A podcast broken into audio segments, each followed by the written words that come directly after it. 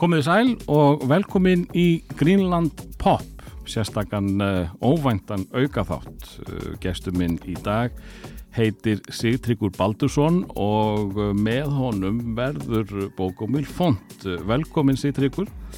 Takk fyrir mig. Það, er, það er spennandi tímar hjá bæði Sigtryggi og þá þessum bókumilgur. Já, það er smá svona ammalistími. Mm. Nú er það að halda upp á 30 ára ammalið þarna útgáðunar ekki þessi leiðindi sem er plata sem ég geri 93 og startar þessu æfintir svolítið. Sem er svona, getur við ekki sagt, rosalega óvæntur smellur. Jú, þetta var svolítið óvæntur smellur. Við hendum saman í lítið svona skrítið coverband í á nokkru vinnir Mm. og það var ekkert, coverband að gera svona swing og mambo stöf sko. Nei. Og við grínuðum með það lengi á eftir sko, við vorum eina banda á Íslandi sem kemist lustum að spila jazz á böllum. En, og það var nokkuð til í því. Og við vorum nú aðalega að gera þetta uppalega til þess að skemmt okkur sjálfur og, og hérna eiga aðeins fyrir salt í grautinu vegna þess að eftir sigumólaæfintrið þá átti maður ekki bön sko, hvorun á sér. Nei.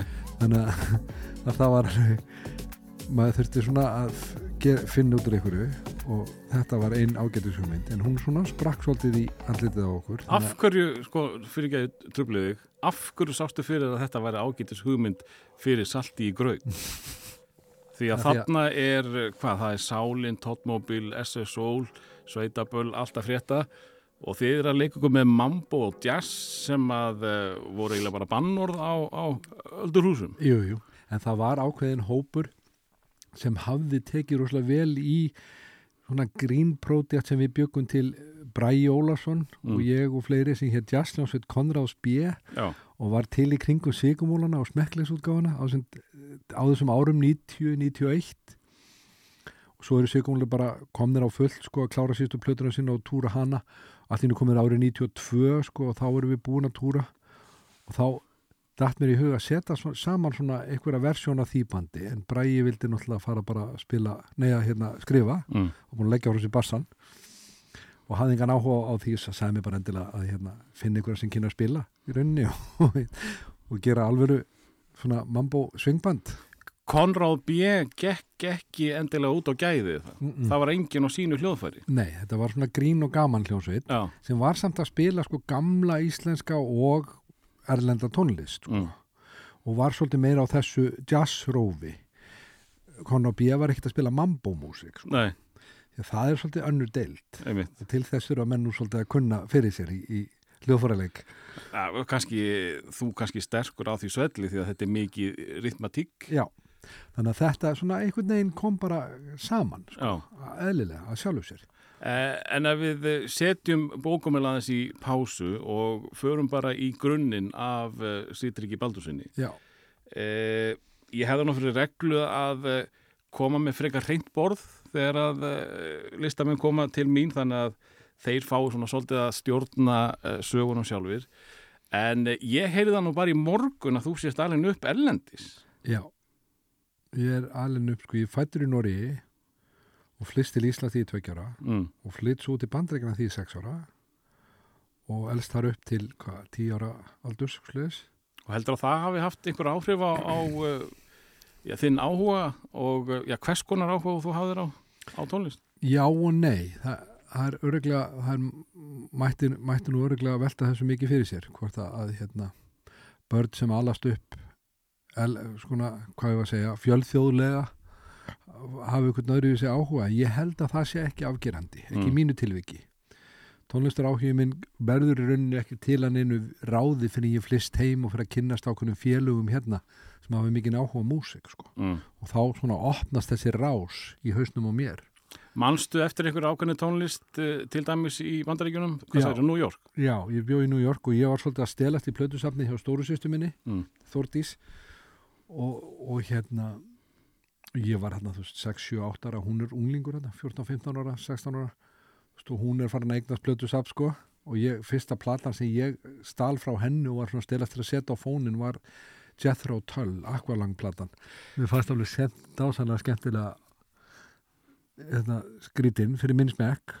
Sko, flest okkar erum kannski í æfintýrunum í Maratharaborg já, hvað fær lítinn sýtrygg til að fara í Jethro Tull ég ve veit það ekki alveg. Meðal annars sko text, text, textin hjá honum snots running down his nose greasy fingers smearing shabby clothes. Mér fannst þetta geggjað.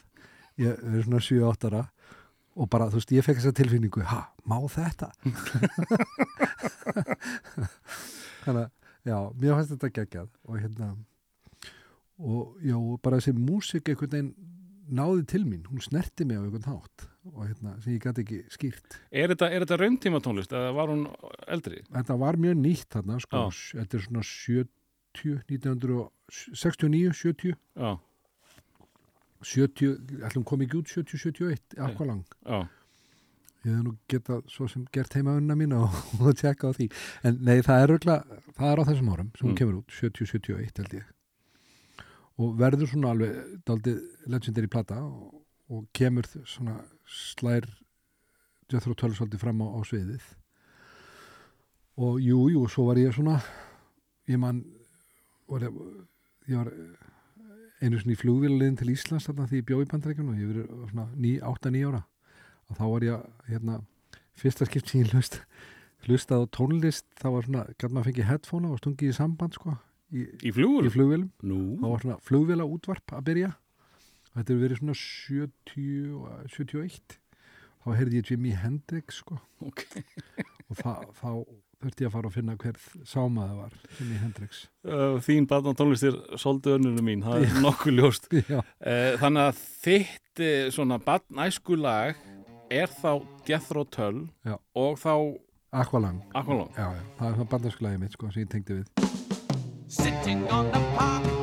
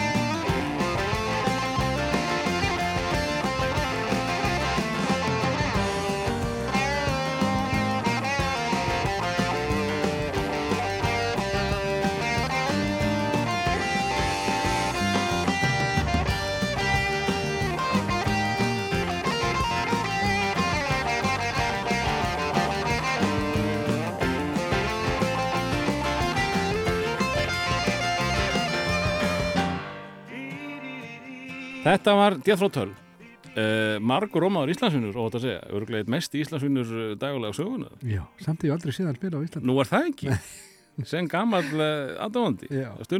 uh, En færum okkar þá bara yfir til Íslands og þú ert hvað, tíu ára þú kemur heim Já, já, fór gút í einhver tíma allavega Já, ég er nýjára þegar ég kem heim. Já. Nýjára reyndar, sko. Ég er ekki orðin tíjára.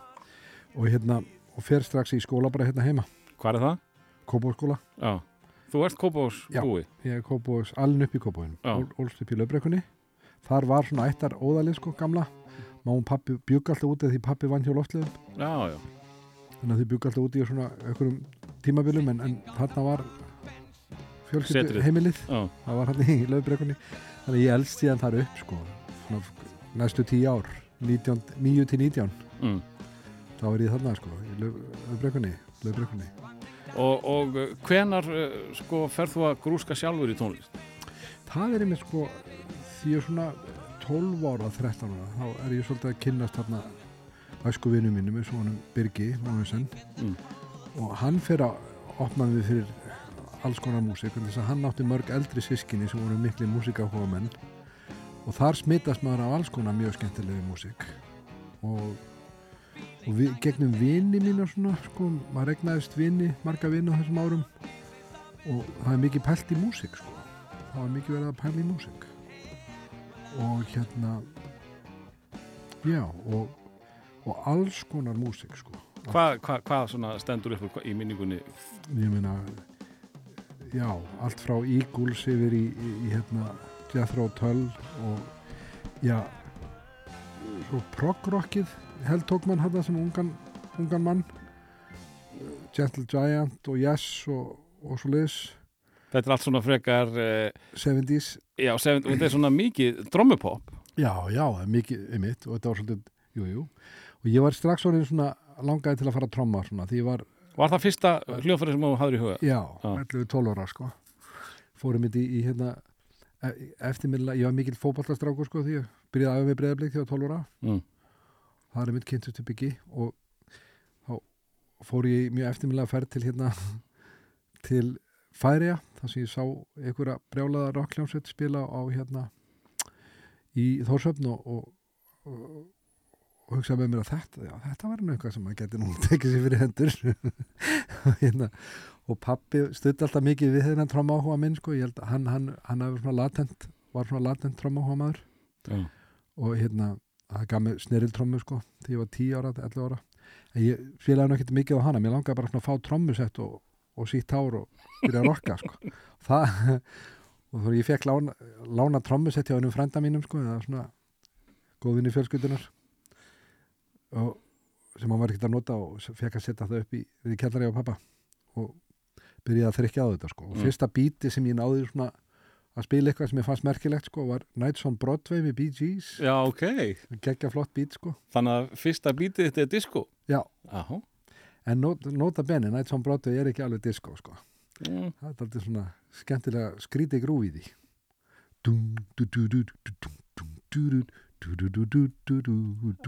Já, þetta er flóki disco Já, þetta er svona öðruvísi grúf Er það náttúrulega orðnið disco þarna? Já, þetta var öðruvísi lag hjá þeim Já þetta var svolítið offbeat lag hjá hérna, Bee Gees en þarna var maður farin að leggja yfir alls konar dóti. Santana stuðmönnum, stuðmenn maður og, og Jakob Magnússon hérna horti í róðan Já. þetta er að koma út 74 þá er hann 12 ára sko. Einmitt. Og hann er að gefa þetta út 75 held ég horti í róðan 75-76 Já. þetta var svona þetta fannst manni stór merkilegt þetta er þú veist Íslendingur að spila með þú veist frægum tónlistamannum hann fekk Phil Collins til að tromma inn á plötuna hjá sér sko Og, og þekktur hann þá frá Genesis? já, já, þá var maður búin að vera að hlusta á Genesis sko og þótti þetta ekkert smá merkilegt Einmitt. og hérna, jú, jú er maður hérna þælast í kópóinum æsku árin sín, spila fótbolta og tromma svolítið í óningaljónstum eins og Hattimas það eru tvær óningaljónstur í kópói, einn var í Östubænum og hétt Hattimas og hinn var í Vesturbænum og hétt Lekkir Jáhá. Og hvers konar, hvers konar tónlist var Hatti Massa? Hattimas var Ég var bara að aðalega- heyra þetta nafn í fyrsta skipti í, í morgun hjá hann Jónatan Garðarsinni. Já, Hattimas var aðalega að búa til eigin músík sko, við vorum að gera mikið af frumsandri músík sko. Mm. og hérna, Punk er ekki komið. nei, punk er ekki komið sko þetta var svona, við vorum að hlusta á Pink Floyd og, og Santana og alls konar svona Erfiða tónlist alls, já, já, já, voru svo til proggarar Já, proggaurar sko, ég, svo allt í hennu sko þegar, svo líða árin sko þarna svolítið í þessu bauki og þegar ég er svona 16 ára á unglingsárunum mínum þá vinn ég í, í hérna í fósfóðinu við skorastöðinni þar sem að frendi mig á frangastöru og afið var smiður og hérna svona fjölskyldufyrirtæki eða svona tengdist inn í familíuna og ég var hann alltaf á sömurinn sko að sprikla og þar kynnist ég svo nýjum vinahóp sko með þess að úr, úr fósfóðinum og því hverfi sko. Já, já. Svo Hilmar eh, Yfir Agnarsson lækinu og allt. Já, yfir, yfir lækin sko Já. bókstælega þar kynnist ég gaurum sem uh, bjóða mér að vera með sér í svolítið svona, það var svona coverband reyndar sko, sem hétt Frostrósir og var að spila svolítið einhver gig fyrir bændasamtökin og alls konar svona skrítin gig og hérna svona böll sko. Og við vorum að spila svona íslenskar Dagur Perlur dæguperlur Já, svolítið. og svona vinsælt dót á þeim árum sko. Já. hann bara, þú veist, einhvern Billy Joel lögur og dót sko, með cover músík árið er kannski 78 79 já. Og svo morfast svo hljómsveit yfir í það sem verður þeir sko, Aha. 1980 ég, Má ég aðeins staldra við vegna þess að, að uh, ég fór aðeins á stúfana í morgun uh, vegna þess að ég vissi að þið hefðu verið einhvers konar dansveit í upphafi. Já, og uh, ég ákvaða að hlusta aðeins á uh, fyrstu plötuna. Það í hel. Þagaði heil já, og hún er ekki mjög þeysaraleg eh, eins og ég hef heyrt í, í þeirri sveit. Heyrum hérna aðeins eitt lag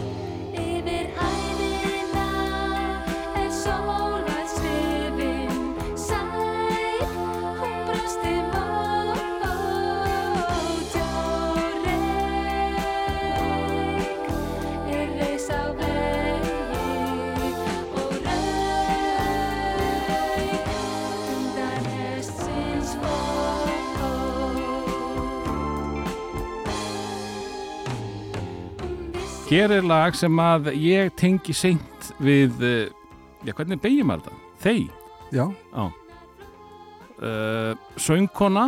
Já. ég vissi ekki að það hefði verið söngkona einhvern tíma í bandinu. Nei. Og þetta er, það er engin nýbílgja í þessu. Nei, þessi plata er nefnilega stór merkileg vegna þess að hún, fyrir hluti hennar er tekin upp í februar 8-10 mm. og setni hlutin er tekin upp um haustið 8-10 Nei, þetta var, þetta var árið, árið er 81 Já. Fyrir hlutin er tekin upp februar 81 og þar vorum við svona uh, að morfast að vinna með lög sem Hilmar Agnarsson var að semja sem voru svona eh, skrítið pop Mm. mætti kannski helst kalla og hérna svo setni hlutin þá erum við orðin að rockljónsveit sko, um haustið eða því um sumarið urðu við breyttist hljónstin í rockband sko. Já, ok. Hver var þessi ágæta stúlka sem syngur þannig? Elin Reynistóttir, búningahönnur Og var hún ekki mikið meira með? nei hún hætti þarna bara um jólin 8, 10 og 1 sko. Svo höfum við annar lag hérna, það sem að saxafótnin fær að hljóma duglega. já, Sigur Flósarsson Já, Á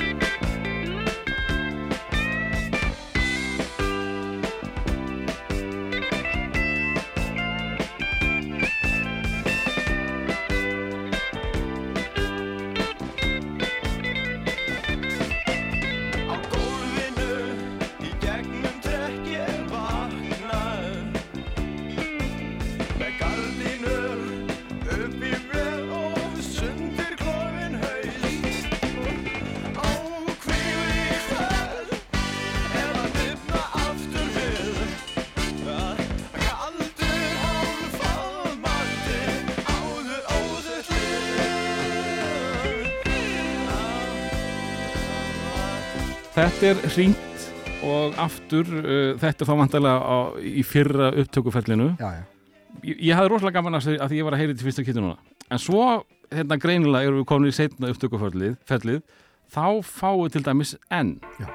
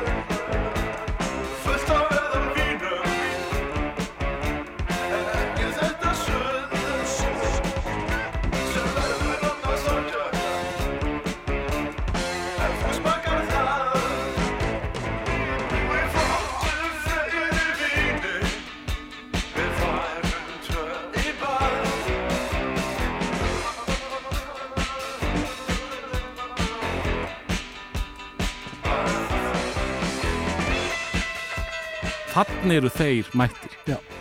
þó að sé einhvern syndi eða eitthvað svo leiðsanna í stóru hlutverki þá heyrum við alveg hvað, hvaða hljómsveit er komin hann þannig að breytustu úr svona proggljónsveit sem var að reyna að gera popmusik yfir í svona nýbylgjuljónsveit mm. því um sumarið þá skall á okkur breska bylgjan. Já, þá lögðum við frá okkur allar amerísku plötunar okkar nema Talking Heads og, og Dead Kennedys og tókum upp hérna allar hérna, brösku bylgjuna Joy Division, Susie and the Banshees allt þetta dót sem er að springa út Já þannig að þið eru meira í nýbylginu heldur en nokkuð tíðan pönginu Já, Já. við vorum nýbylgjuband sko. en uh, komandi úr uh, pöng uh, borgin í Kópavogi ég, ég var eini kópásmúin sko. Já, það er þannig Já. ok. ég var aldrei mikill pöngari sko. ég kem hérna úr einhverju svona progg og jazzlegnu umhverfi sko. mm. beint inn í nýbylgjuna sko, í rauninni Þannig að þú fannst þig þá í nýbylgjunni að geta spilað uh, progglega jafnvel á trombunar Já, ég var alltaf, hafði alltaf svolítið skrítinn stíl. Og komst upp með alls konar vittlisu. Já og uh, sko síðan líka svo sniðut að uh, Svafa Gers gefur þess að plötu út. Já, sem að uh, ég sá ekki fyrir mér að þeir hefðu verið á samning hjá SG Records. Nei, nei. En það er mitt, Svavar heyrði fyrstu demo-upptökurnar af pop-plötunni, sko, Já, fyrir hliðinni fyrir hliðinni. Já, Og síðan var bara ákveðið að klára hana síðan um hausti, sko, en þá hafði þetta því miður breyst í alltara hljómsveit. við mikið, Svavar lendi því að gefa út þessa svona, hvað ég var að segja, skitsofrenisku plötu. mm En mjög spennandi sögulega er þetta mjög skemmtilega plata Já, já, sakræðilega er þetta mjög, mjög stórmerkilegt alveg. En uh, upp frá þessu þá eru þið uh, svona aðeins búin að kýla ykkur inn á, á sviðið Já, það var heldur betur. Þannig að við stimplumst inn svolítið þetta um haustið, sko. mm. En, og þannig að strax eftir jólin þá rýður á einmitt að þá er kljónsettin komin í það form sem hún var í. Þá var Stanja komin inn sem gítarleikari, Þorsteik Magnússon Mm. og Gu Guðlur Óttarsson. Þá eru þeir orðnir gítarparið og ég og Hilmar erum ritmaparið og Magnús er söngarinn. Þetta var rauninni endalega útgáfan á bandinu sem kom út úr hana, eh, kom út úr 1981 Mm. 1982 opnar að þá er þetta orðið bandið sko. Já, nákvæmlega Því þú, nú varstu að, að, að kveðja úlingsaldurinn þarna þú ert að, verða maður uh, þá, sko, þú ert búin að segja mér hvert úlingalægið er og uh, þarna er ég, eða var ég nú er ég búin að kynast í aðeins betur uh, hvaðan, uh, hvaðan þú kemur en ég var búin að dæma bókina ansi hart áður en að ég heyrði hvað ætlar að bjóða upp og sem úlingalægið Já, já, já. uh, ég bjóst ekki að þú myndi velja þetta lag Nei. En þetta var mikil uppáhaldsljónsveit mitt hjá mér á úlinga, úlingsaldurinn sko. Earthwind Fire, ég alveg elskaði þá. Já, að þeir voru bæði sko disco dansband en líka proggband sko í rauninni, í Mm. hjarta sér sko. Þá voru þeir svolítið proggaðir og gerðu þarna svolítið skemmtilega kúkú plötur sko. Og við hlustuðum á það alveg í döðlur. En þeir grúfuðu svo geggjað. Það var það sem ég tengdi svo við með þá sko. Það var, náttúrulega með eitt flottasta brassband sem til er sko. og brassveitin hefðum sko alveg geggjuð. Og já, þeir og Stevie Wonder var svona sólhliðin á, á mínum uppvexti sko. Það var Earthwind Fire og Stevie Wonder. Ég elskaði líka Stevie Wonder og geri enn alltaf. mm. Mikill meistari. Þannig að úlingalægið er Earth, Wind and Fire og vil svo skemmtilega til að það heitir September.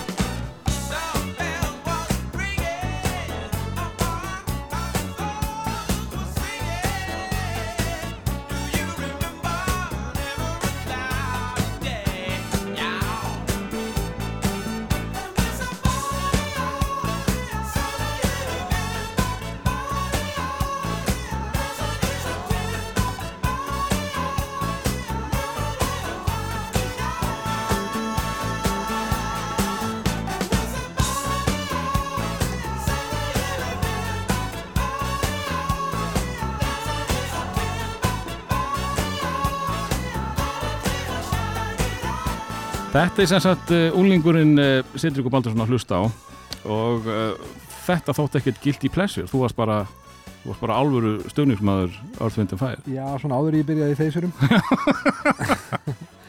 Þegar við fórum aðeins fram úr okkur aðan með, með tímasetningar, uh, fyrsta platan kemur út 80. Það er í hel kemur út 80. Já, Og það er 81 sem hljónstinni komin í sitt endalega form mm. og hún starfar 81, 82 og fram á árið 83. Já, það er ekki lengra. Nei. Nei. 82 kemur um mitt út kvikmyndin, hérna, Rocky Reykjavík. Og þar eru þið, þið fáu nú einhverja sérstaka meðferð þar, þið fáu bara álfuru svona uh, Músikvídeó. músikvídeó. Já, en það bara kom til vegna þess að Friðrik ákvaða að heimsækja okkur á okkar skrýtna æfingahúsnaði sem var í litlum, litlu húsi út á, út á, Alt, út á hérna Áltanesi og hérna honum fannst þetta svo skemmtilega skrítin sko svæði, hann ákvaða bara að gera með okkur hérna smá músikvíti Já, þetta var bara í því umhverfi. Já, já, þetta er bara hérna fyrir utan húsi sem við vorum að æfa í sko. Sem var við hliðin á bestastöðum Já, ok. svo enduðu við bara, heyrðu já svo kom hann með þessa hugmynd sko þá takið þið hérna gæsakangin upp að upp að bestastöðum og, og klárið þetta almennlega með stæl sko það var ákveð að kýla á það en fólk náttúrulega sko, þetta lag er mjög djarfur, djarft áldeilu lag á fasisma sko, Mm. Rudolf en fólk náttúrulega miskildi þetta algjör, var ekki að heyra textan sko Nei, nei, maður heyrði bara að þið voru að lofsama Hitler eða sá bara við vorum í, í nasistabúningum Já. að hoppa þetta um eins og brjálæðingar sko. og heldu að við værum bara sko, nýnasista hljómsveit Íslands sem var reyndar uh, svakalegu miskilningur mm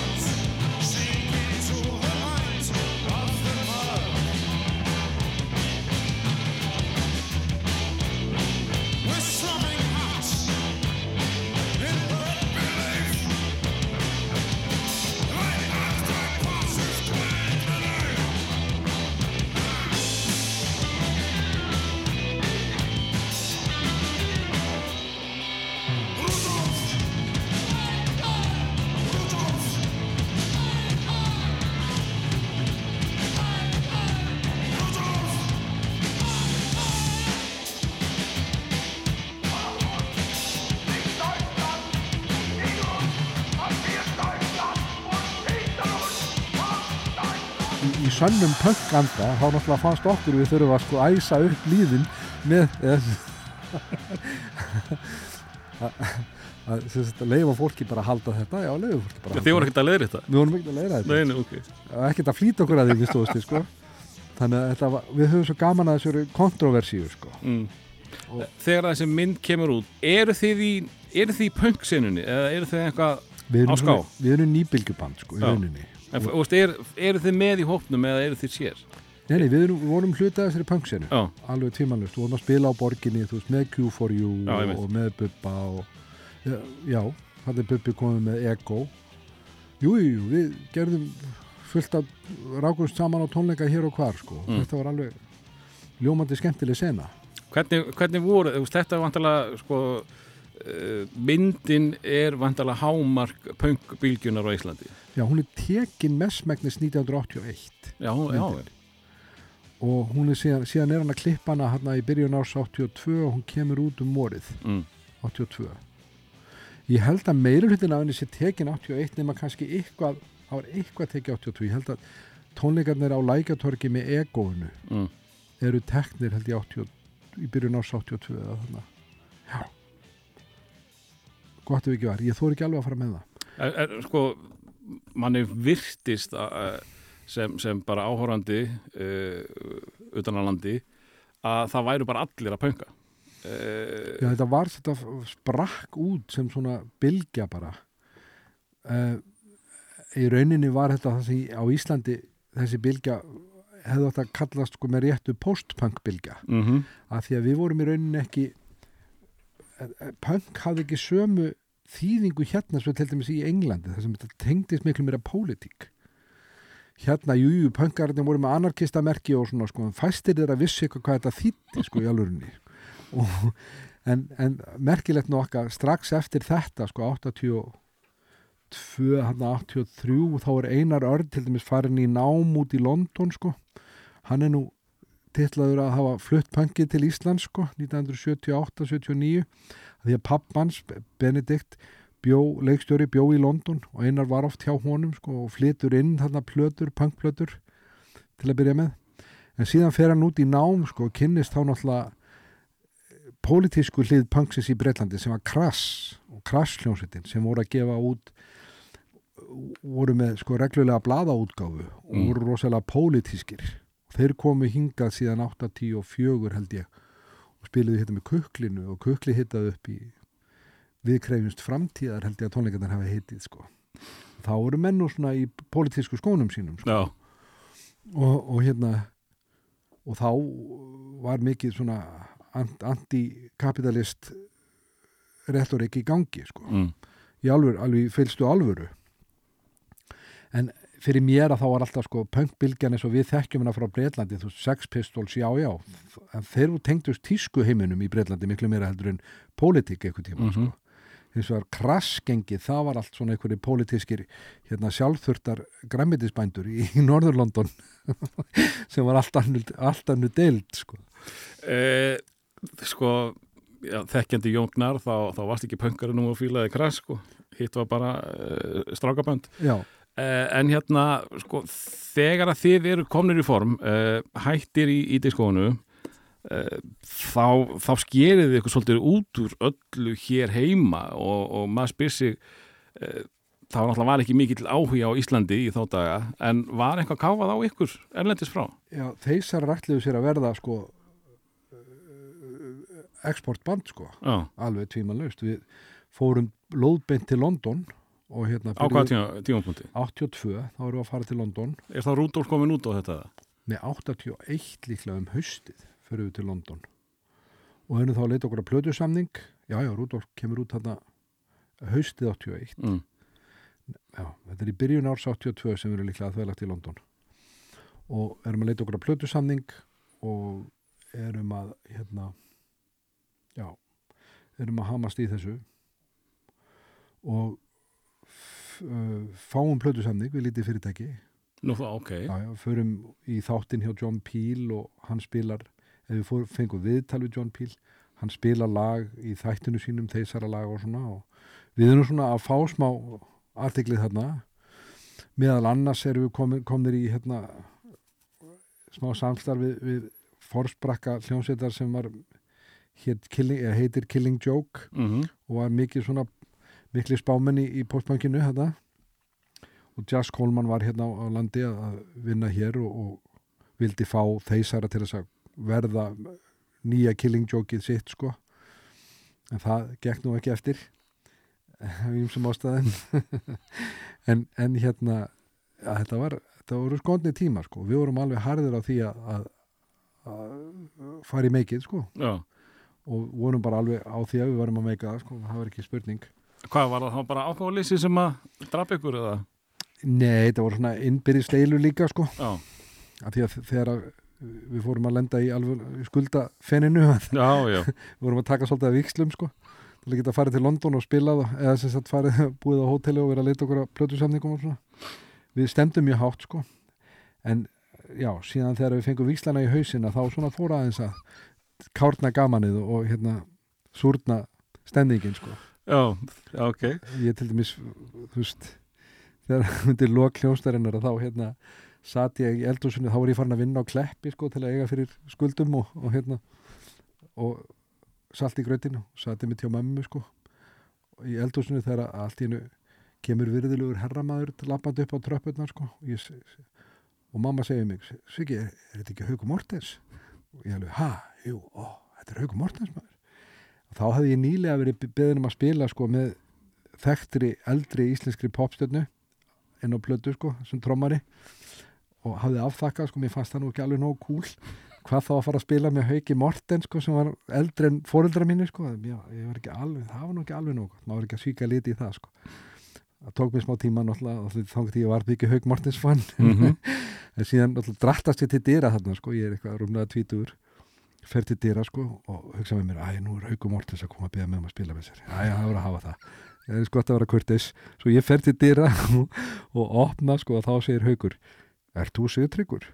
og ég hugsa með mér, hvað, veit hann ekki hvað ég heiti? Og að beða með um að spila með sér. Og hérna ha, já, segi ég, ég er hann. Ég held að sé eitthvað djók í mér, eitthvað grill í mér sko. og það segir hann, heyrðu já vinnur ég þarf að byrta þér hérna stefnu. Og, og þá fekk ég vikslana í hausinn sko. Jaha, og já. þetta var svona moment það sem ég fattaði það, já. Þetta er nú kannski ekki allt bara fun and games. Og hérna já, þarna fekk maður sko vikslana í hausinn og, og, og, og fattaði það að við vonum kannski ekki alveg að fara meika Þannig að vikslarnir drápu þeir, já, svona það, þeir hjálpuðu til. Það hjálpuðu til. já, þeir náðu nú alveg að drepa sjálfa sig. En já, innbyrðist deilurnar sko Mm. en já, já, en þetta hjálpaði til sko það var engin væntingastjórnun í ganginu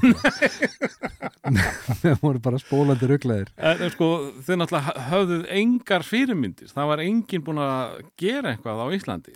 Þið bara, við, þetta er ekkert mál, við, við kerum þetta í gang. já, já, við, við vorum bara, þú veist, við vorum Ungir bara, við vorum bara vorum að mega það Mm. það var allir búin að milja onni okkur, við vorum geðveikir sko, Ég man eftir, þú sagðir að í einhverju, einhverju viðtalið heimildi mynda hvað það var, að þú áttir að til til að keira þig gang fyrir tónleika að skalla vekk. Það var alls konar stælar, það tek, tekið nokkuð vodka-kótt og svo gúf, bankaði vegginn með hausnum. Og einhvern tíðan lendur á, á ég lendi nagla. vort á nagla já, svona pinn, pinn, þetta var svona betrekkaður veggur sko, með svona rosa betrekki eitthvað, lendi beint á nagla svona naglapinni, braut hann úr sko, hann var fastur í haustum á mér. Það er pöng. já, það var spá peng sko. Uh, þar sem við höfum ekki endalusan tíma þá ætlum við að hoppa yfir í kuklið uh, frá uh, þeysurum yfir í kukl og þarna ertu þetta er náttúrulega bara eins mikið nýbylgja og Ísland hefur bóðið upp á það ekki? Jú, þetta var eiginlega bara sko, Af hverju var þann til? Já, þetta var þarna útastátturinn já, og það þátturinn áfangar Guðnur Rúnar Ragnarsson og, Ásmundur Jónsson. Mm. og fyrir loka þáttinn sinn að þá ákvaðu þeir að setja saman svona hópa fólki og beða þeim að búa til músik fyrir þáttinn. Einhvers konar uh, supergrúpu já, Já. svona súpegruppu sko. Svona, já, og völdu saman svona lið sem þeim þótti áhugavert svona hvert úr sínu hodni og stemdi þeim saman í þessa hljómsitt kukl. Mm. og það var búa gaman sko. Og bæði já, við tókum okkur tókum okkur mjög alvarlega. Ég man sko að hérna, mér varst þetta pínu hættilega sko, ég var ekki svona djúpur ég, ég var að koma úr Katsugúku og beint í söngul. Já, sæl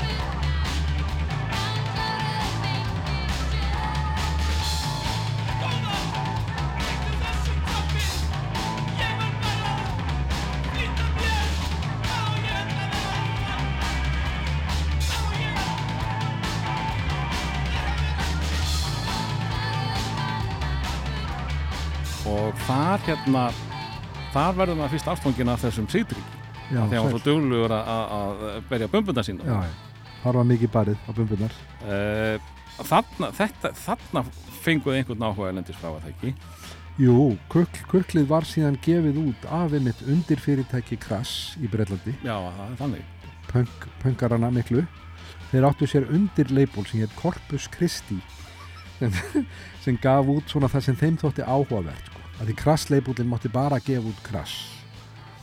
Þetta, þetta tóku sér mjög alvarlega. mm. Og, en undirleibúlinn Korpus Kristi hann var svona fyrir það sem þeim þótti áhugavert og, og við vorum fjallum inn í þann flokk en þarna bjó einar í London sko. þetta verður svolítið til í kengnum hans kontakta þar Hann er alltaf búin að vera umba hér heima Já. uppdagarsmenn og eitthvað og, og, og sína hljómsveit líka Já, þannig að hann, hann kannski þekkir hvað hva skal gjöra. Já, hann var náttúrulega hann var ásvega duglu, var hann ekki að syngja í gegn, milli lands, land, eða landa? Jú, jú, Gegnum hann- við síma? gerðum eina tónleika hérna þar sem hann söng sko, var í gegnum síma sko. Hva, hvað með díleið? að hann alltaf skiptir litlu máli þegar hann er í stuði? Já, það skiptir litlu máli þegar hann er í stuði. Orða, orða það þannig. Það er, það er aukaðrið Já, En í einhvern veginn þá töluðum við við síman og fengum einhverja spes línu þar sem að hann uh, þetta varði eiginlega ekki delay á þessu. nú ok Veitu, þetta voru, hvað, Psy- Psychic TV tónleikar, Þetta voru Psychic TV tónleikar í MH. þetta var í MH já, Kukli hittað upp já. Psychic TV. Síðar ymitt í MH hittaðu sigumólarnir upp síðan. Þrem árum setna hittaðu sigumólarnir upp fyrir Swans í MH líka. einmitt og þar á við slegið eitthvað með í háa Já, slegið eitthvað með í háaða sko. En segðu mér aðeins af þessu kukli. Eh, Já. Þetta var rosalega alvarleg hljónsveit allana fyrir leikmannin utanfrá. Já, já. En það tóku okkur mjög alvarlega Mm. og vorum að reyna að búa til sko, eitthvað, eitthvað nýtt í rauninni eitthvað sem okkur fannst vera sko framlag til listarinnar við við vorum að reyna að vinna með svona, alls konar hugmyndir en, en sjóða saman lög sem voru þess aðeins að þú hafðir ekki heyrt neitt svona áður sko og það var að eila útgangspunkturinn þú máttir ekki hafa heyrt þetta ég maður vorum að reyna að búa til lög sko, ef þau hljómuði eins og eitthvað remotely eitthvað, eða svona óljóst eitthvað sem okkur fannst við kannast við að þá voru þau bara tekið strax út á dagskrá sko. það mátti ekki vera neitt kunnulegt við þetta sko.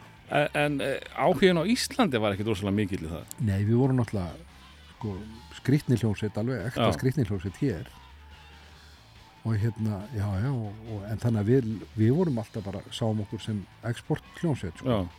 En nú áttur allar að meika það einandir. Já, já, Já. við fórum og spiluðum alveg stóran túr í Bretlandi þetta með fleiri punkljónstum sem voru að hérna, berjast þér í málefnum uh, námuverkamanna sem voru í þarna, voru þarna í verkvalli. Voru þið pólitísk? Kuklið? Já, Já. já, já, við vorum það alveg. Það er svona á okkar hátt. Mm. Við vorum ekki sko samkvæmt anorka og pólitíku fræðunum beilinnis en margt af okkar hugssjónum tengdist því alveg sko, þeim Mm. hóp. Mm. við áttum alveg ágætlega heima þarna í, í þessu krass forhóli og margt svona, já antikapitalisti í því sem við vorum að spá sko, Já, tíma. vissu hvað uh, anarkista merki þýtti. Jú, reyndar, við höfum lesið svolítið að litteratúrdum frá, frá krass og þó við varum ekki sammálaði í öllu að þá, þú veist þá voru hann að samlægjur alveg á milli sko. Mm. Uh, en hvað, eh, sko, þið stopnið þessa smekkleysu Já, og þá hefði maður haldið að það væri þá einhver kapitall í bóði en, en ekki verður rík að spila með sko Íslandi eða plötusölu. nei Hva, síðan hvaðan, hvaðan kemur þetta? Sko kukklið eiginlega líður undir lokarna vorið 86 og þá stopnum við fljótlega upp úr því, þá stopnum við uh, samtök sem Mm. heita smekklisa og áttu að vera Já, reglífa, þetta var ekki fyrirtæki til Nei. að byrja með. Nei. þetta var hugsan sem reglífa samtök listafólks Mm. Og okkur langaði svona að hrista upp í listalífinu á Íslandi og fórum að gefa út uh, smekkleysu verðlun Mm. til fólk sem var í svona stjórnunastöðum eins og til dæmis Hrafn Gullnússon var eh, held, ég held að hann hefði fengið einna fyrstu velunin hann var þá dasgrástöru sjónvansins og sjónvarpið var nýbúið að kaupa sýningar eftir myndunum hans þá fekk hann smekkleysu verðlun og, og Já, e- eitt af þínum góðum, Jakob Fríman fekk, fekk nú hérna uh, velunni það ekki. jú, fyrir hérna Moskó, Moskó held ég þegar að, hérna þegar leiðtóafundurinn var haldin hérna? Já,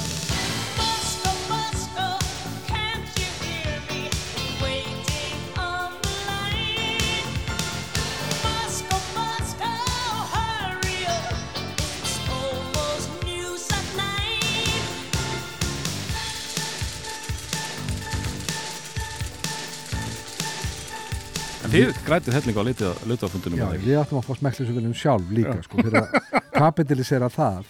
Við gáum út postkort sko Já, þegar leiðtóafundurinn var og þannig fengum við peninga inn í, inn í samtökin sko. Þar verður veldið til. Þar verður veldið til með þessu svakala póskorti Friðriks Ellingssonar mm. með þeim tveimur félagunum, Regan og Gorbachev framan á. Og það var meðsölu póskort hérna í öll þessu hafari í kringuleitu ofundin og svo, já og í framhalda því að þá ákváðum við hinnlega að búa til poppljómsveit fyrir samtökin sko. uh, Hver var pælingin á bakvið það? Til að græða pening? Eða? já, já, já, alveg skamlaust já ok þetta átti að vera svona sko skamlaust grín, skilur við mm. og ætlum bara, já nú búum við til poppljómsveit sem fyrir að búa til poptónlist Kemur ekki einn mól á mann 86 út? Jú. Þannig að uh, kukli hættir og mólarnir gefa út fyrstu smáskífuna á sama ári. Já.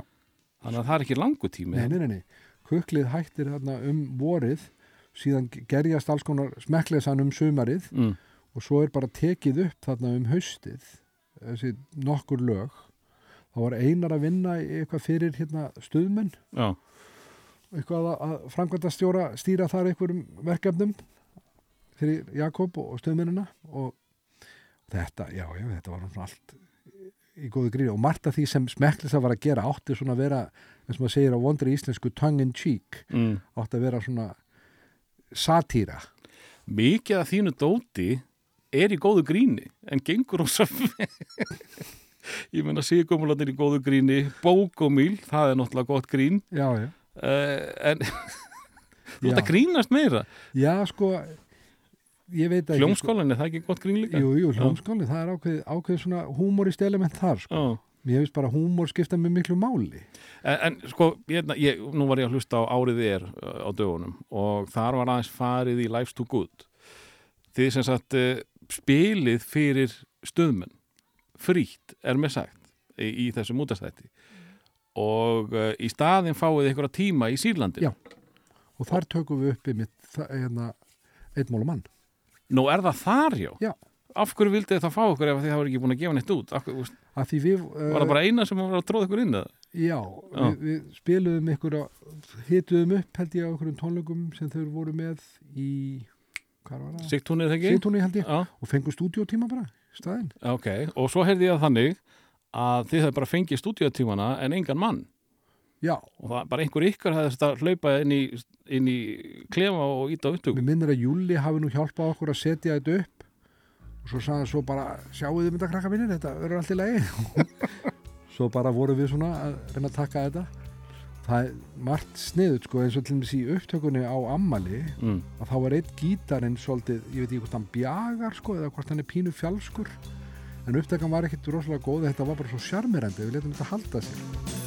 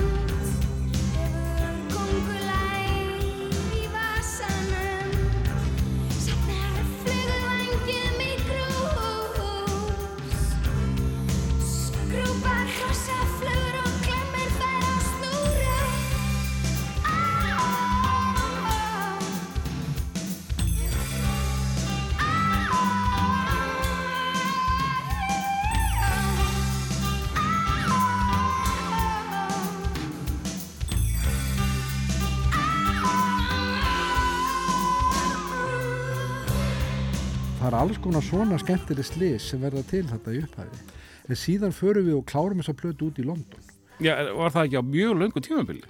nei það var 87 Já, þá erum við að vinna í plötunni út í London þá voruð þið komin að samning og eruð bara að gera þetta eins og alvöru hvað? já nei þá erum við bara að vinna þetta með Derek Mm. hann var þá að setja upp þetta nýja útgáfufélag sitt sem hétt One Little Indian og, og hann er góð vinnur Einars í London Mm. og við hérna, hann hafði kynst honum í gennum krassgengið og, og hérna, á þessum tíma í London. Og við byrjum að einmitt að þá er Derek að vinna í stúdíói sem heitir Berry Street. Sko, ef maður aðeins stoppa þig. Þarna er, ertu búin að tala mikið um krassið og svo er þið núna bara að fara kapitalista yfir ykkur. Já, sko, neða kapitalist og ekki. Þetta var líka svona við vorum bara svona að reyna sko if you can't beat them join them. Að reyna að nota sko kapitalísku bröðin til þess að ná okkar ná okkar markmiðum fram. Mm. þannig að hérna já, þannig að við förum að klára þessa plötu með Derek hérna út í London og, og hann síðan kemur út hérna fyrsti singullin Amali út í ágúst 87 og færi mitt hérna og fer þá beint e, beint í pressuna sko Já. Melody Maker velur þetta sem single of the week og eitthvað svona og þá fara hlutir að gerast hans er hatt sko voruð þið ekki á uh, forsýðu bæði Melody Maker og NME á sama tíma Jú. það hafa ekki marga hljó, hljómsveitir bóðið på það Nei og það var já það var uh, triks sem þeir voru að vinna sko Einar og Derek að Já, ok. hérna, vinna með pressuna Einar var náttúrulega fjölmjölafræðingur Já. og, þeir, og þetta var svona leikur sko Mm. mm. svolítið verið að leika En vissuð þið þegar að, sko, þið klárið köttin og ammali Já. sem að ég komst að eh, 20 árum síðar að heitir ammali ekki afmæli. Já, eh, vissuð þið hvað voru með í höndunum? nei, nei, nei, við vorum bara Þið vissuð þetta voru, voru með gott lag. Með, með þessi Íslendingarnir höfðu gaman að því. Já sko Ammali fekk enga spilun í útvarpið. Það var kött, kött Það var kötturinn? já, það var kötturinn Kistu, kistu, kísu já, kött, kött, kött. Já, kötturinn fekk spilun í útvarpið fyrst til að byrja með, ekki Ammali það þótti alltaf skrítið já, já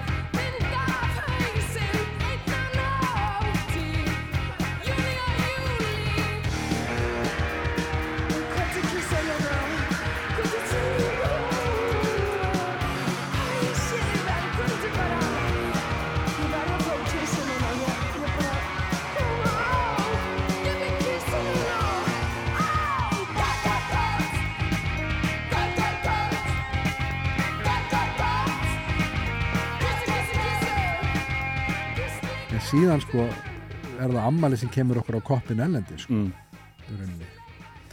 og já, já En segðu mér aðeins, sko, þarna vantarlega ert þú að upplifa þe þessa hugmyndína að uh, meika þælendis því að uh, Single of the Week er náttúrulega bara algjör draumur fyrir uh, Íslenskt band í dag. Tala nú ekki um þarna á þessum tíma þegar enginn vissi hvað Ísland var, sko. Jú, eh, samt ekki. Messofarti var náttúrulega búið að gera Garden Party 83. Já, en það er bara svo lítill kreðsa sem að hefur gaman af þeirra tónlist. Já, Það var alltaf vitið að þeir myndi aldrei verða einhver risafljónsett í heiminum en virkilega virt í sínu fæi, Já, já, vissulega. En, en þarna, Single of the Week og þið með mjög sterkar smáskjöfu, einhvað hlýtur að hafa sagt þér að nú, nú, nú fyrir þetta að gerast. Jú, jú. Jú, ég meina, en við vorum samt svona að halda í okkar, hú, hvað ég var að segja, húmor, að halda í okkar svona attitút, gagvart þessu. Mm. og ég man þegar Derek ringir í einar sko og segir, heyrðu Amali búið að velja því single of the week hjá Melody Maker þá sagði einar, oh fuck ég held að hann er kannski betur gert sér grein fyrir því en nokkur annar sko að þetta var svolítið líklega var þetta ákveðið skref sem var verið að taka þarna Mm. Og fljóðla upp úr þessu þurftum við að fara að hugsa hlutin aðeins upp á nýtt og fórum að þurfa að fara út til London skiljur og gera viðtöl í tvær vikur Já, bara, bara í beit. já, Já, sem var bara eitthvað sem við höfum aldrei gert áður sko. þessi fyrstu singlar vöktu rosa mikla aðtegli og allt henni bandið orðið svona bara mjög umtalað mm. og svo byrja major leibularnir að eldast við okkur og gera okkur alls konar gillibóð og svona Hvernig var sá eldingaleikur? Af Því nú er þið að semja við eitthvað pínulítið fyrirtæki. Já, við erum bara í rauninni á Indian í London Voru þið búin að gera langa samninga eða var það bara þessi smáskjöfu? það var bara í rauninni sko já, Derek var meira, minna bara, meira eða minna bara umbósmaður okkur á þessum tíma Mm. en síðan var bara til, gef, tóku við ákvörðinu það við skildum bara gefa út í Englandi á leibúlnum hans, One Mm. En sjá til hvort við fengjum eitthvað sko, major label samning utan Englands þá aðalega í bandaríkanum því að við endum á því að gera einn samning í bandaríkjanum við Elektra sem var undir Warner og í, og í Evrópu gerðu við singular samninga í mismöndu löndum. Já, ok. Já. Og, sá Derek um það allt saman? Já, hann sá um það. Og hvernig, sko, hvernig koma þessi sleðar fram við, við óþögt band frá Íslandi sem að, já, á að vera bara naíft og, og Við vorum nefnilega ekki svo reyndar nei, en væntalega sleðarnir hafi hugsað þannig að það ekki. Já og nei, Nei, við vorum alltaf, vorum í venduð umhverfi, mm, Derek passaði vel upp á okkur og svona. Og við vorum svona að reyna að navigera þennan músikbransa á okkar eigin forsendum, svolítið mikið. mm, og þá var við að reyna að halda svona í uh, smá punk hugssjón gagvart þessu sko, að reyna að minnstu að gera þetta á eigin forsendum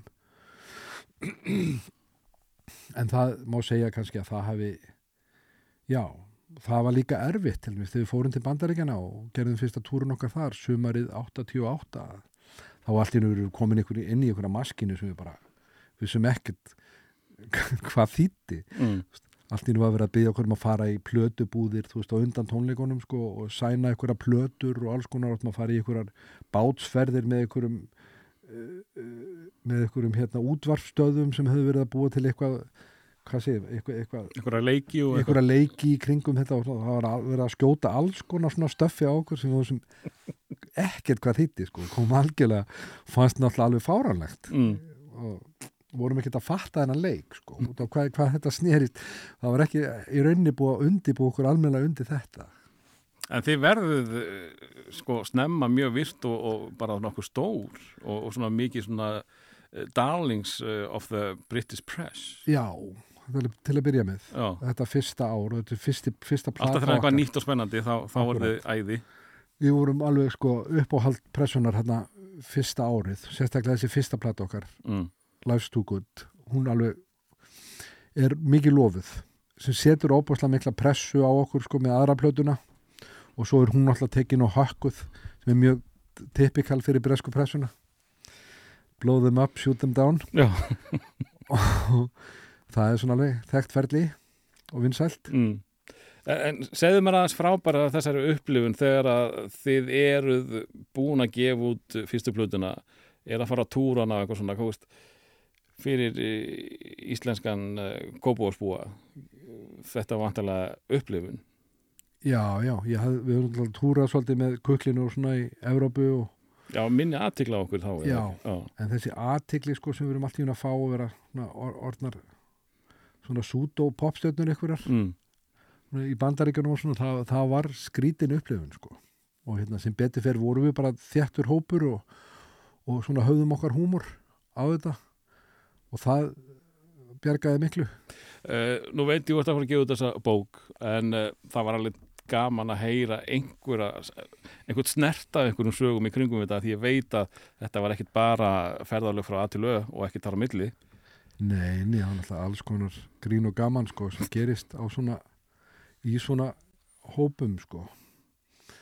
En ég meina ég er lítið að segja svona einhverja fyllir í sögur sko, þannig séð. Nei, nei. mér finnst það það ég vilt ekki það skemmtilega sko. En það, það eru vissulega svona skemmtilega sögur bara sem gerast sko. Mm eins og það var ungur maður sem tók á mót okkur í, í, þegar við vorum á þessum fyrsta túr hann í bandaríkanum þetta er, í- júli og þetta er í ágúst 88 og við komum til San Diego í Kaliforníu í fyrsta sinn. Bara komum til Kaliforníu í fyrsta sinn var upplifun sko.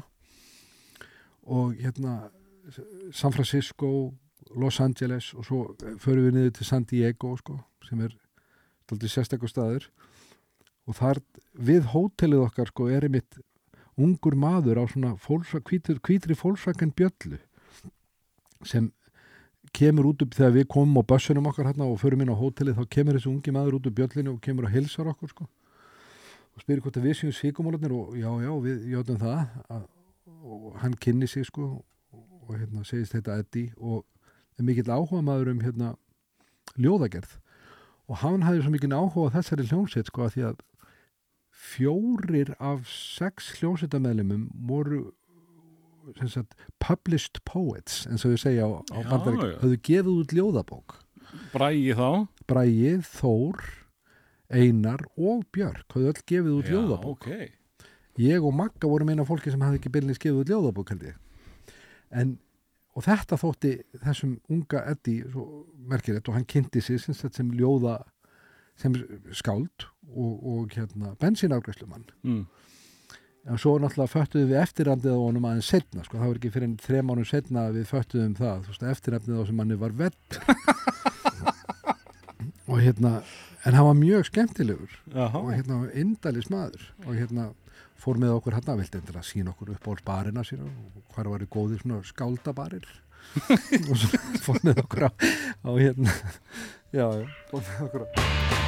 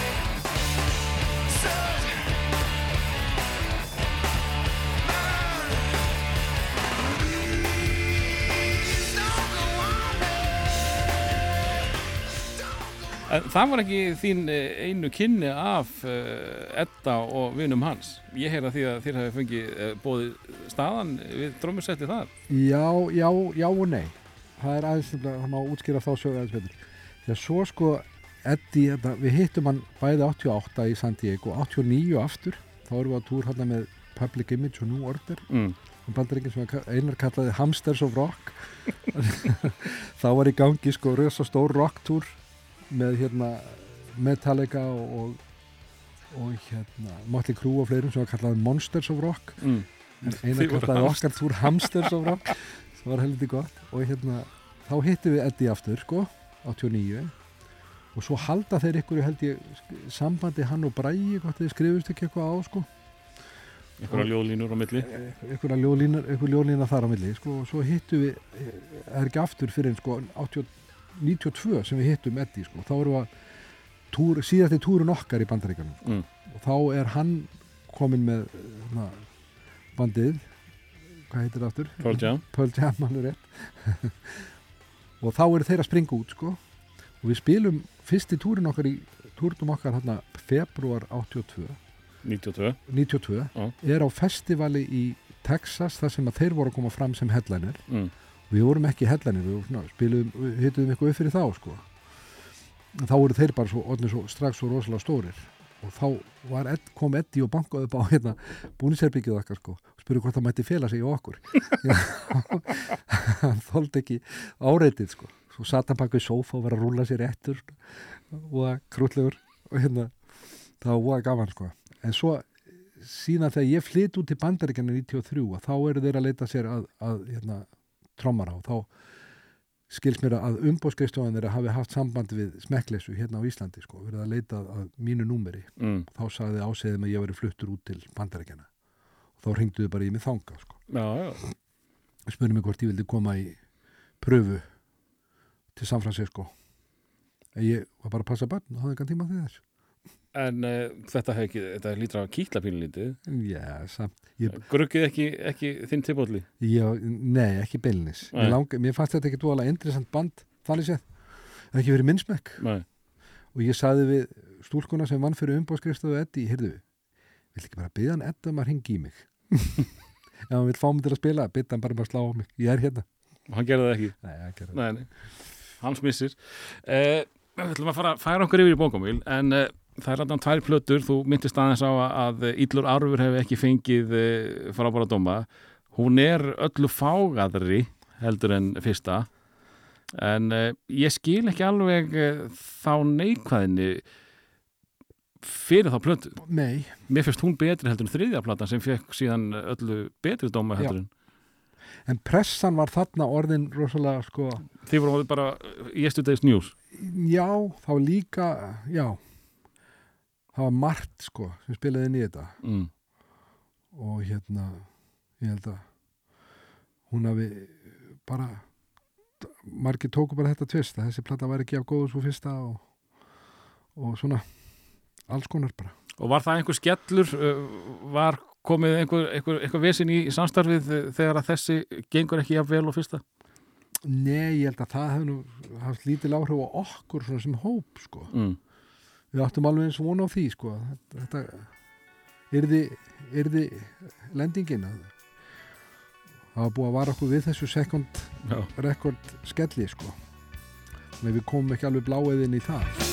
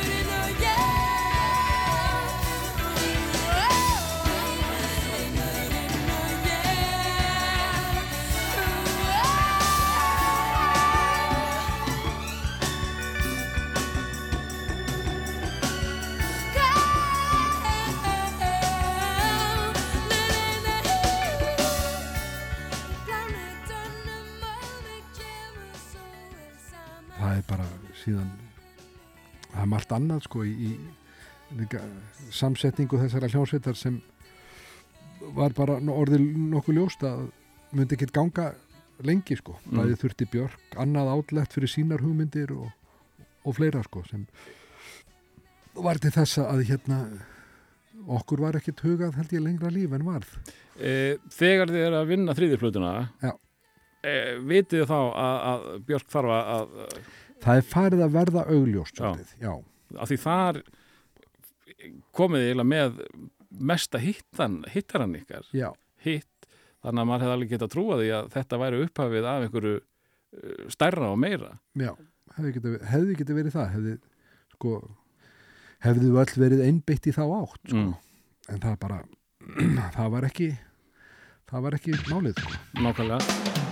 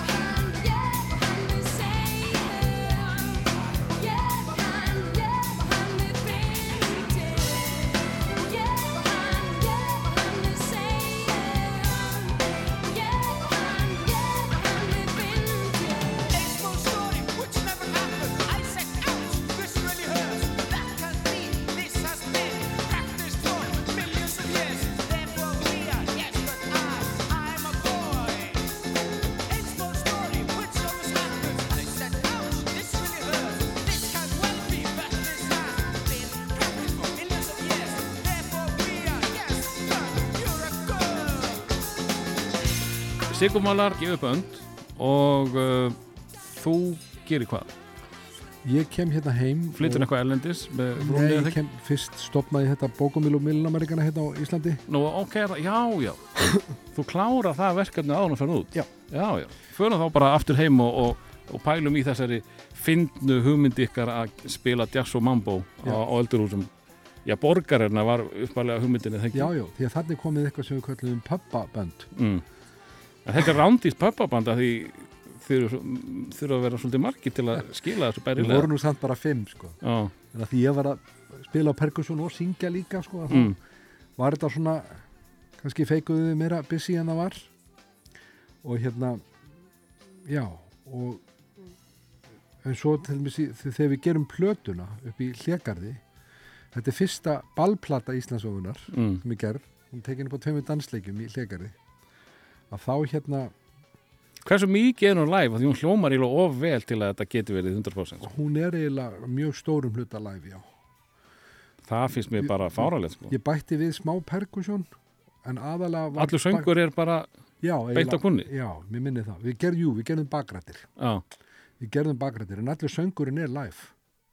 Þetta finnst mér magna sko. Eh, Því að eh, já, þú teluði ekki vera uh, vanan söngvar á þessum tíma og einhver sturtu, sturtu kall og eitthvað svo styrtu sönguri eh, Hann heldur að hann að lægi þessi, þessi Já, sturtu já. söngvari sko. ég hef alltaf verið svona voða lagvis sko, þannig séð mm. og hérna en það, við þurftum nú ekkert mikið að laga það til held ég, söngin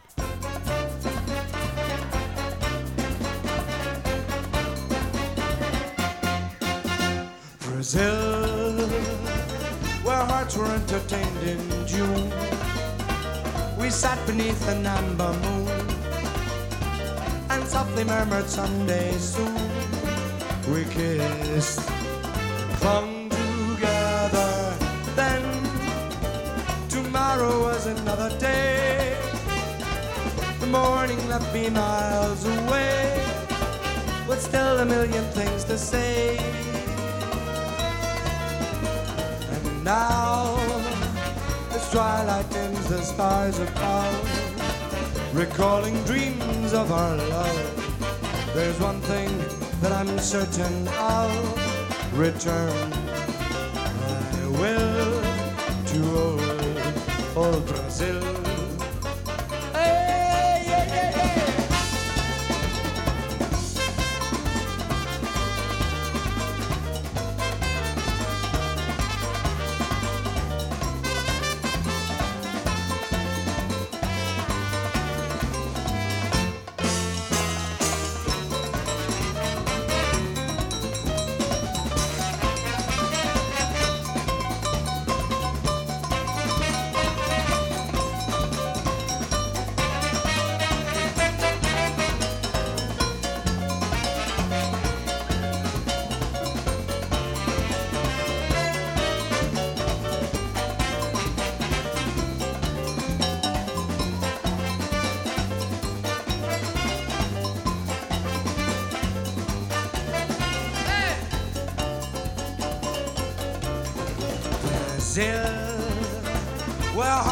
Entertained in June. We sat beneath an amber moon and softly murmured someday soon. We kissed and clung together. Then tomorrow was another day. The morning left me miles away, but still a million things to say.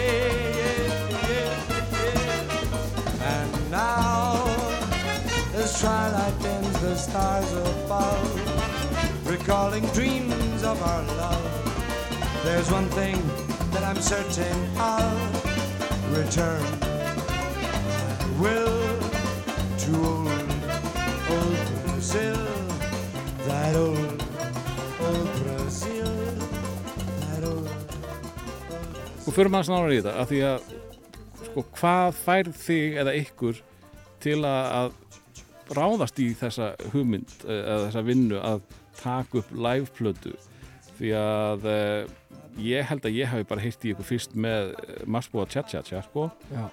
og það er tekið upp þarna eða ekki? Jú, það tekið upp hérna þannig að Sko málið er að við vorum coverband sko. mm, Marsbo Cha Cha Cha var eitt af fáum orginal lögum sem við vorum með ef ekki bara það eina og það er ekkert mjög orginal það er eiginlega stólið úr einhverju mexikósku Cha gömlu. Mm, og Siggi, við vorum að grínast með þetta bara ég og Siggi eitthvað kvöldið sko. Gerum bara íslenska útgáfa að þessu. Og svo hérna fundum við við aldrei orginalin þannig að við bara skráðum þetta okkur. Það gerði ekki alltaf sem til það á sín tíma, þetta var nú frekar svona lauslegt, laust í reypunum en hérna já En þið er ekki komið hitt til þess að fá fólk á dansleikina? Jú, bandi var orðið svolítið vinsælt ballband. Já, bara word of mouth? Já, Já, já, við komum fram í Hemma Gunn eftir að ég kom á já. túrnum með U2 Mm. og síðast í túrsíkumáluna á haustið 80 92 þá fór ég í Hemma Gunn með bókamílu millinamæningan og spilum við þar Þá voruð þið búin að vera bara á þessum öldurhúsum Öldurhúsum borgarinn Já, ömmu lú og eitthvað Já, þá erum við ansið vinsælt svona ársáttíðaband og svona þannig, Já, já. þennan veturinn. Mm, og svo um páskana þá ákveðum við að gera þessa ballplötu. En hún var þannig til komin sko að strákandi vildu gera plötu sko. En fyrir mér að þá var þetta coverband sko. Og mér fannst eina vitið vera það að gera bara liveplötu af því í mínum huga var þetta bara liveband, þetta var live project. Mm, það, það var eðlið þessa verkefnis að vera live project. Þannig að ég fekk þá til að samþykja það að gera bara liveplötu og svo byggum við til bara skemmtilega umgjörði í kringum það. Þannig að gerðum tvo skemmtilega tvö skemmtilega böl þarna upp í hlekarði brjáluðu veðri sjónvarpi mér þess að tók upp fyrraballið og mm. hjálpaði okkur þar að leiðandi með að skreita sviðið og svona. Já, já. Þannig að þetta varð voða gaman sko. Af hverju, af hverju er þið ekki með 30 ára tónleikana hana? í hlekarði að því bara NASA lá bein, beinna við höggi mm, Uh, mér langaði alltaf að gera einhverja tónleika á uh, sjálfstæðisalunum Mér finnst það fallið salur. Fallið snapp líka. Já, það segði En það var alltaf meiningin að gera líka tónleika hljekari sko, við reynum að gera það núna í haust. Já, ok, þannig að þetta er ekkit one-off. Þið gætuð, Nei, nei, við verðum eitthvað að spila í haust sko. En hverjir eru þetta? Úst, þetta var bókumil, font og miljónamæringarnir Já, miljónumæringarnir sem spilaði þessu plötu voru sem sagt Stengir Mjög Guðmundsson, trómari Sigurur uh, Jónsson, saxónleikari. Hann var allt brassið nei, á plötunni bættust við tveir brassleikara sko.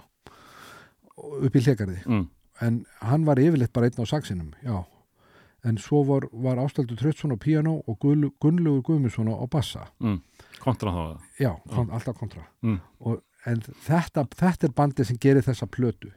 Síðan flist ég til útlanda um haustið með konunni minni haustið átt 93 og Gulli Guðmunds flist til Hollands í nám. Mm. og þá er búin til önnur útgáfa af miljónamæningunum Já, já. Þá verður til þessi miljónamæningarnir versjón 2 með Palla. Og þá, þá er Birgir Bragason komin inn á bassa Jóel Pálsson kemur inn á saxofón. Nei, það verður setna en, reyndar, svo, en þá byrjar þessi hljómsveit að þróast yfir í miljónamæningarna sem að, sko, aftur að árið er það var viðtalarna við Palla Já. að þegar þú ferð þá þurftur að byrja upp á nýtt. Já. og hann var spurður, erst þú komin í bókumil? og var alveg brjálaður. Og hérna að því að mitt, fólk þekkti þetta sem bókomíl font sko, og, mil, og miljónamæringarnir en síðan að þegar að ég flist út og þá reynaði þeir að endur starta bandinu sem Páll Óskar og miljónamæringarnir og það tók smá tíma að, að breyta þessu vörumerki. Mm -hmm. I know I stand in line until you think you have the time to spend an evening with me. And if we go somewhere to dance, I know that there's a chance you won't be And afterwards we drop into a quiet little place and have a drink or two. And I go and spoil it all by saying something stupid like I love you. I can see it in your eyes that you despise the same old lies you heard the night before. And though it's just a line to you,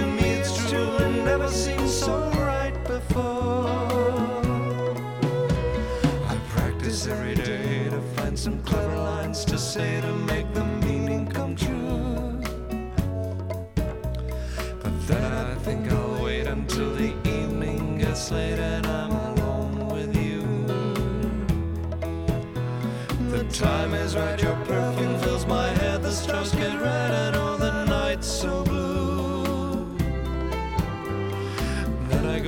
spoil it all by saying something stupid like I love you.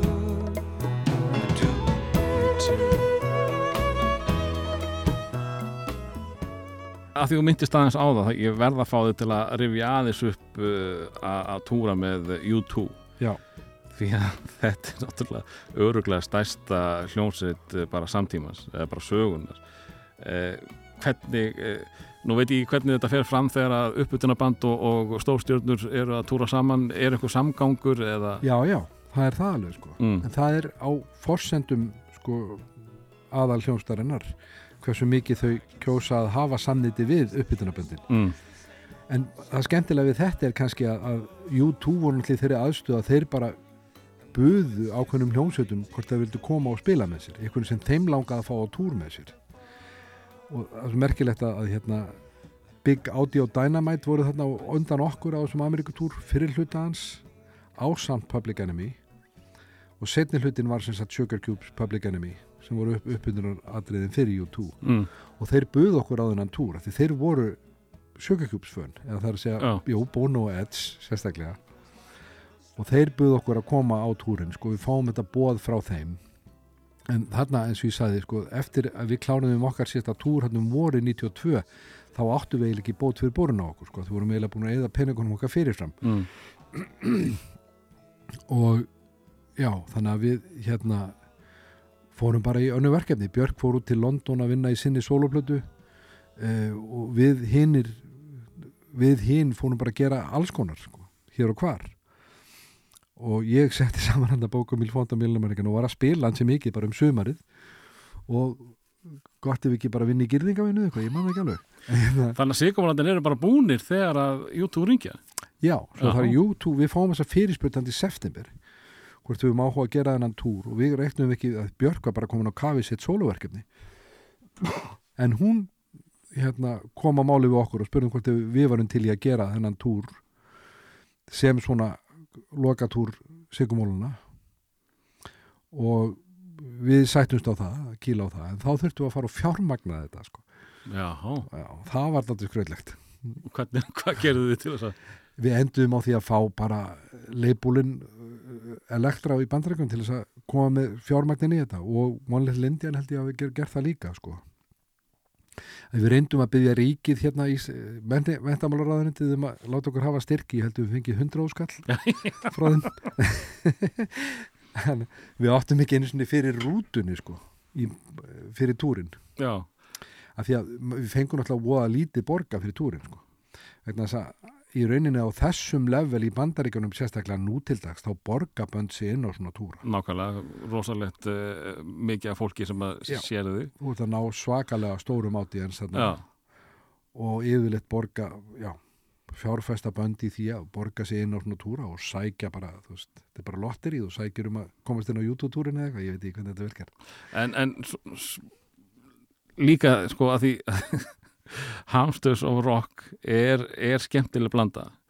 Því að uh, ég hef lesið bókina hans uh, Bernard Sumner söngvara New Order. Já. og ég er á því að þetta er leiðilegasti maður sem ég hef ekki hitt. Uh, Húki er ekki, ekki hræskóður Nei. en uh, hann var sá sem eini sem kom og hitti okkur á þessum túr. Já, töluðum ekkert við hina sko og eins á YouTube-túrnum, ég meina Bono og Edge, Edge kom reglulega til okkar Mm. í heimsókn helsaði upp á okkur og kom og fekk sér bjór með okkur. En við sáum hina voða lítið sko. Bono hittu við einstakarsunum, hann kom svona helsaði upp á okkur við og við, Mm. eða bauð okkur, okkur í hérna tjaldi þeirra eftir gig eða eitthvað svona, þeir voru stundum með partí svona eftir gig sko, og okkur stundum búið í það. Ef við vorum ekki farin eitthvað anskotan en hérna en síðan á, á þessum Hamsters og Rock Tour sko, þá umgengust við hérna, New Order voðalega lítið sko. Það En var Pil? aðalega John Lydon sem við umgengust. Já. Hann er hressið hann er hress. Jú, og gítarleikarinn hans var mjög hress. Já. Og við umgengust hann svolítið mikið. Hann var alveg frábærkur. Uh, hoppum aftur yfir í, í bókumíl uh, þið sem sagt gerir þessa live plötu þú hefur ekki gest ráð fyrir því að uh, þetta er þessi sprengja sem að síðar varð Nei, við, við vorum svona hálgert kvöld band sko, vorum svona vinsæli í ákveðnum kræðsum. En nei, ekki svona meðal almennings, en síðan bara springur þetta lag út. Mm. Marsbo tja tja tja. Og þið kveikið á, á, á mjöðmum landans? Já, við kveikjum aðeins á mjöðmum landans. Og, og, og svona þessi latín og bylgja fyrir svolítið í gang uh, Sumar 83, já. þér að kenna? Já, svolítið Uh, mjöðma kongur Íslands. Já, ég var að taka smá ábyrð á því. En þið sem sagt, þið voru að túra um landið ég meina, ég fór einhvern tíðan á okkur í reðavaskála Við spiluðum þetta sumar og spiluðum mikið hreðarskála og Ömmulú já, sem var þá eitt svona aða klúburinn í Reykjavík. Einmitt. Og það var að sönnu mjög skemmtilegt. Og svo vorum við að spila við spiluðum oft sko fjóra, fimm tónleika í viku sko. mm. voru þetta tónlingar eða börn? þetta voru alltaf. Það voru yfirleitt alltaf svona dansi og það verður gaman að þessu? Að vera, já, vera það... fórsprakki, vera aðanmaður Já, ég hefði óg gaman að þessu. Mm. fyrir mér þá var þetta svona veist, þetta var svolítið leikús sko, í runni þessi karakter, sko. ég bjóð til hennan karakter til þess að sinna þessu hlutverki sko. Þú varst aldrei sýtrugur á svið Nei, nei, nei, nei, nei, nei en ég veit ekki hvort að livrin á mér hafði mjög gott sko, að þessu það, það var einmitt hluti af karaktertum var hann var alltaf með kampavísglas á sviðinu og alltaf í stöði sko. alltaf í miklu stöði sko og það er svona ég var hann svolítið, þegar ég flutti þetta út í bandaríkjanum hausti sko, þá átti ég alveg skilið smá frí sko. og tók mér smá frí á var ég bara heimavinnandi með lítið bann og svona já. róli hittum sko. en þú, þú kemur aftur og tekur eitthvað þátt í þessu en erst aldrei jafn virkur eða eitthvað Nei, svo kom ég alltaf reglulega heim og var að vinna í alls konar verkefnum sko. og tókst einstakar böl með þeim Já, já, og tók alltaf böl með þeim og stundum gerði ég böl sjálfur sem bókamílfont og skattsvikararnir og alls konar Já. útgáfur sko. og fekk með mér alls konar hljómsveitir sko. og svo, svo varstu með flýs Já, svo setna 2006 þegar ég fluttur aftur heim til Íslands og þá ge ger ég verkefni við Flís tríónu, þá gerum við svona Calypso plötu saman sem er aðeins öðruvísi stíltegund af, af latínómúsik mm. og svona svolítið svipað að þú getur búið saman rock og roll og blues. Já, að þá er svona Calypso svolítið for, forveri la, ma, margra þessar latínotegunda sem við þekkjum í dag að mambósins. En það er líka svona vísna músik og gengur úr mikið út á texta. Mm. þannig að það var svolítið önnu nálgun. En gífulega gaman. Þeir voru alveg skemmtilega skemmtilega kreatífir og, og brjálaðir. Ná, sem voru þá svona ung jazzljónsveit Íslands Flís 2005 eitthvað já það var rúmlega tvítur bara. Eh, fyrir þá sem að er að hlusta núna fyrir eh, þessa, eh, þetta, þessa stór tónleika í, í sjálfstæðisalunum eh, við hverjum að búast? Er það að fara að taka bara plötuna eða er það að fara að taka eh, þekktustu lög bókamils eh, Nei, þetta er aðalega platan ekki sliðindi já, og svo bara svona nokkur aukalög. Mm, ég tek kannski ekki, ekki svona setni tíma milla lögin sko með Páli Óskari og, og þeim. Nei. En, en þú varst náttúrulega dett inn og, og, og þú átti ykkur lög. Jú. Eh, já, það verði ykkur, ykkur svona og verður einhver flýsa tenging líka? jú, jú, Já, við tökum ekki nokkra Calypsoa. Æðislega bland. Eh, Sittryggur Bókamil eh, þakka ykkur báðum kærlega fyrir að, að eh, segja mig sögur. Eh, ég byrð venjulega fólk um að koma með eitthvað sem er að hlusta á í dag. Þú hendir á mig nokkur um hugmyndum. Ég veit ekki hvort að hugsa akkurat núna en við ætlum að enda á einhverju lægi sem að þú ætlar að kynna fyrir okkur. Það er ekki komið sem sagt. Nei, býttu, jú, alveg rétt, þú segir nokkuð. Við skulum bara endilega enda hérna á Marsbúa tja tja tja Það er ekkert betra. Bingo, takk hérlega fyrir komuna